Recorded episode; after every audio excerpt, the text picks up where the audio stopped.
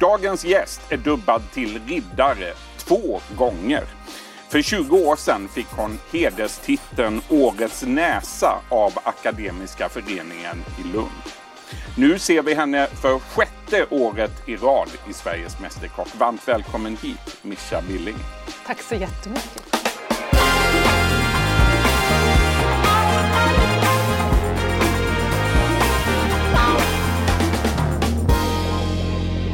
Du Mischa, vi börjar från början. Du föddes 1966 i Lund. Mamma och pappa jobbade mycket. De drev ICA-butiker. Pappa var ordförande för ICA i Sverige. Hur skulle du beskriva din uppväxt? ja, som, eh, nej men de, de, ja, mamma var ju hemma när, i början så att säga när vi var små då. Och sen så tog hon ju också över en ICA-butik då. Så det var ju mycket ICA. Så vi lekte ju med de här Monica och Ikander. nej, det hade vi inte. Jo, det hade vi. Men, mm. nej, men det var, det var Eh, vi, jag har en lillebror och en stora syster och, eh, och sen också ja, stor släkt. Så det, alltså, så det var mycket liksom. Och, det var mycket? Ja, det hände mycket saker. Och, och så, men, eh, det hände att ni barn fick steka era egna ja, fiskpinnar för ja, mamma och pappa jobbade? Ja, pappa jobbade ju väldigt mycket och var ju väldigt driven och så här. Och sen så mamma då när hon också klev in och började jobba så ja, men då skötte vi oss lite själva och sådär. Och, och det, ja, det var Ja, men det var en bra barndom. Ja. Du hamnade i alla fall sen då på den kända Lunda krogen Petri Pumpa. Hur minns du den tiden? Ja, jag minns ju att först när jag sökte jobb där så fick jag ju inte det för jag hade ju ingen erfarenhet. Ehm, men sen ringde ju då Thomas Strejing som eh, ägare och kock och som drev det där och han eh, hörde ju av sig efter två veckor och sa att de ändå såg en potential hos mig. Jag tror inte de hittade någon annan. så, att, så då fick jag börja eh, i matsalen var det som jag och eh, var liksom, ja Nisse kan man väl säga. Jag fick börja med att hälla vatten och gå med kaffe och ta emot jackor. Och... Vad lärde du dig där under ja, de åren? jag lärde mig otroligt mycket. Alltså dels blev jag ju, jag var ju där under en väldigt lång period och det beror ju på att jag följer helt uh, handlöst. Jag blev ju förälskad i, i att vara i matsalen och den energin som är i matsalen. För mig är ju att vara i en matsal som gäst eller att arbeta där, det är ju, det är ju ett rum fullt av liv. Liksom. Och, och där är ju en otroligt härlig energi och sen så då också att man Ja, man, man möts och det, ja, det händer någonting. 1993 då checkade du ut från restaurangakademin i mm. Stockholm ja. efter att ha specialiserat dig på kombinationen mat och dryck. Varför blev det en kombination? Egentligen var det att jag utbildade mig till sommelier och eh, man kan ju säga att sommeliens eh, kompetens det är ju att kombinera, att kunna sätta saker i sitt sammanhang. Alltså då att kunna, om du har ett vin eller en dryck, att när ska jag använda den här? Eller om köket gör någon rätt, hur ska jag parera den med en dryck? Och när kommer det i, i själva ätandet i restaurangen, alltså för mm. gästen så att säga. Är det en förrätt, en varmrätt eller är det ett avslut? Eller om man då kanske är en större meny, då måste man ju tänka mer avancerat. Att, eh, det kanske blir jättetråkigt om allting ska gifta sig om man äter då väldigt många rätter. Då kanske man behöver sticka in med någonting som är ganska salt någonstans eller som har en otrolig friskhet. Eller så. så man, hur jobbar man med de här smakerna? Så det var det jag utbildade mig till sommelier helt enkelt. Mm.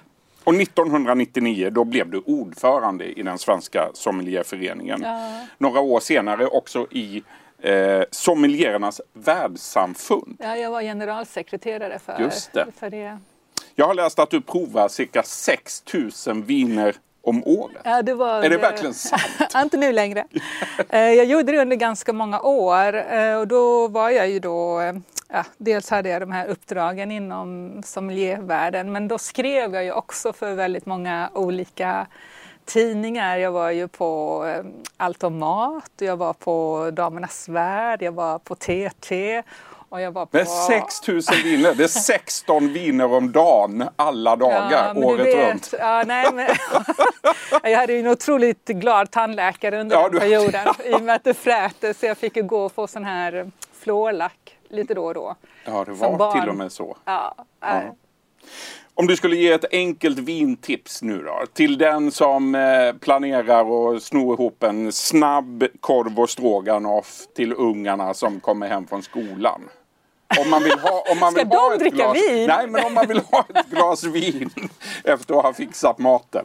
Ja, nej men eh, i sånt fall om man ska till korv där. Jag skulle ta ett ganska enkelt eller trevligt vitt vin eller också ett lite lättare rött vin. Mm. Och sen skulle jag faktiskt, jag brukar alltid säga så här, i och med att det idag är så att det är så olika viner på olika bolag och sådär. Gå till ditt bolag och prata med personalen där. De är superduktiga. kan. Ja, för egen del så föredrar du vitt framför rött. Har jag läst. Ja, jag är ju, alltså jag har ju alltid, vitt vin har jag alltid liksom det är lite mer hudlöst på någon vänster och då menar jag, alltså behöver man komma upp lite i kvalitet och jag vill också, det jag framförallt går igång på med vin det är ju när, när det finns en liten mognadstone som möter ungdomen liksom. Eh, och då kan det vara vitt eller rött men på vita viner så det är precis som de talar till mig på ett lite mer rakt in i hjärtat sätt. Mm. Rött vin, absolut, jag älskar det också. Och det är ju många som jag bara, åh, det darlings. Men eh, ehm, det är oftast så många andra parametrar med där in i det också. Det, Men det är inte ofta man dricker eh, billigt lådvin hemma hos Mischa Billing va? Eh, typ aldrig. Typ aldrig. För några år sedan då gick du ut och tog debatten. Du debatterade mot billiga lådviner. Det blev ett jäkla liv får man väl säga. Eh, snobbigt och världsfrånvänt menade en del. Vad tänker du om det idag? Det, var, det var ju 2011 som jag var med och skrev på den här artikeln då som inlägg och eh, då var det ju just att kritisera eh, det här att allting skulle vara så billigt som möjligt och, ehm, och vad det egentligen gör både med alltså arbetsmiljön för de som arbetar med det här är ju inte bra alls. Och Du har inte... besökt vingårdar i Sydafrika till exempel där Ja, eh, det är, arbetsvillkoren är ja hemska. precis. Och, så här, och då behöver man ju, så det var ju då att när jag var med och skrev det där då att liksom också då, för då var det ju väldigt mycket att Systembolaget är ute och vill ha de här billiga sakerna. Eh, och ehm, det där bör man ju faktiskt eh, tänka över. Idag så står vi ju i en helt annat läge eh, där vi också tänker på klimat, vi tänker också på vad liksom, de här människorna hur, som arbetar med det här, vad har de för villkor? Hur ser deras vardag och liv ut? Har det liksom? blivit bättre? Jag hoppas det. Eh, Det blev ju en debatt, alltså den gick ju ända upp så det var ju en debatt eh, också i riksdagen om det här och det har ju förändrats. Eh, Sådär, och det är fler, det blev ju också sådär, det är faktiskt är någonting som jag är väldigt stolt över, att den där artikeln, alltså vi fick ju så mycket skit som skrev det där då, att vi var vinsnobbar och hitan och ditan och don't touch my bag in box och, och sådär. Och då kände men vin, alltså du, du överlever utan att dricka vin. Liksom. Alltså det, Det gör man, det ska vi vara tydliga med. Ja, Absolut. Det, här, men att det, det blev andra rörelser som också hade legat och puttrat och jobbat med det här men det blev som att allting tog fart och andra har ju också drivit det här väldigt starkt så det blev ju en folkrörelse Mm. utav det hela och idag ser ju tänket annorlunda ut. Och det är verkligen en sån där, ja men jag var med där på Ja. ett hörn. Du, vi ska tillbaka till det där med riddarskapet nu då. Du har Ja. alltså dubbats två gånger har jag läst. Berätta, hur gick det till? Ja, första gången eh, var ju när jag blev medlem i Commanderi de Bordeaux. Att jag då, då, då dubbas man in i det här. Det är liksom ett sällskap för då, eh, vinälskare som då värnar extra mycket om Bordeaux-vinerna i Frankrike. Och det gör du? Ja, det gör jag. Eh, och eh, sen, eh, så att, och det är ju väldigt fint, det är ju med såna här caper och med så här svärd och man lite så här väldigt ceremoniellt och alla är lite fnissiga också. det kan jag förstå. ja. Och andra gången samma sak fast då med champagne. Sen har du en hederstitel till, gånger två. Årets näsa som utses av Akademiska föreningen och Nassoteket i Lund. Och Nassoteket det startades av komikern och regissören Hasse Alfra- Alfredsson. Din näsa den är alltså avbildad både i Lund och eh, här i Stockholm. Hur Ja. gick detta till? Ja, första gången var ju i Lund och då var det för mina insatser för det akademiska livet i Lund där jag då hade varit och väldigt behjälplig med mina vinkunskaper och rekommenderat och till större fester och ja, varit generös med det. Eh, så då var det ja, eh, att, eh, att min näsa göts av på en tillställning och då var det, då hade ju faktiskt Hasse Alfredsson och Patrik Mörling, de hade skrivit en liten, en liten visa till mig som framfördes också. Så att, och sen så att den hänger, näsan hänger på Akademiska föreningen i Lund. Det var 1996 andra, det? Ja, precis. Och, och sen, sen andra gången var en tävling som gjordes på Spritmuseum eh, och där man skulle pricka olika snapsar. Man fick dofta på dem och sen så först visste man vilka det var och så doftade man på dem och sen så togs det ut och så kom det in ett mindre antal, fem tror jag det var, och så i en annan ordning och så skulle man bara dofta och säga vilka det var. Och, och du prickade alla? Ja, och jag var sådär, alltså det är också en sån där liksom när man bara så sätter det och så, så här, fem sekunder Hur är det ens klar. möjligt att lukta på fem snapsar i rad och sätta vad de... Alltså jag förstår inte. Ja men du, alltså då jag jobbar ju med det här och då provar jag ju extremt mycket eh, och var ju inne i det där liksom mm. på det sättet och sen hade jag ju en väldigt bra dag. du hade en väldigt bra dag också. Dricker du snaps ja. själv ofta? Mm. Nej. Nej, inte ofta, men vid, vid de här högtiderna i Sverige när vi alltid har Vid jul då dricker du lite snaps? Ja, gärna. Hörni, säsong 10, nu kör vi. Och nu är vi här igen för att hitta de absolut bästa amatörkockarna i Sverige.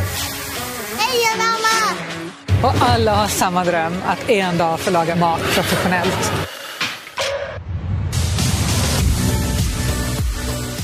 Sveriges Mästerkock som i år fyller 10 år.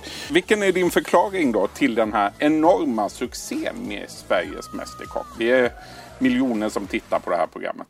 Ja, men jag tror faktiskt att det är det här att idag så är ju måltiden har ju blivit vår tids lägereld.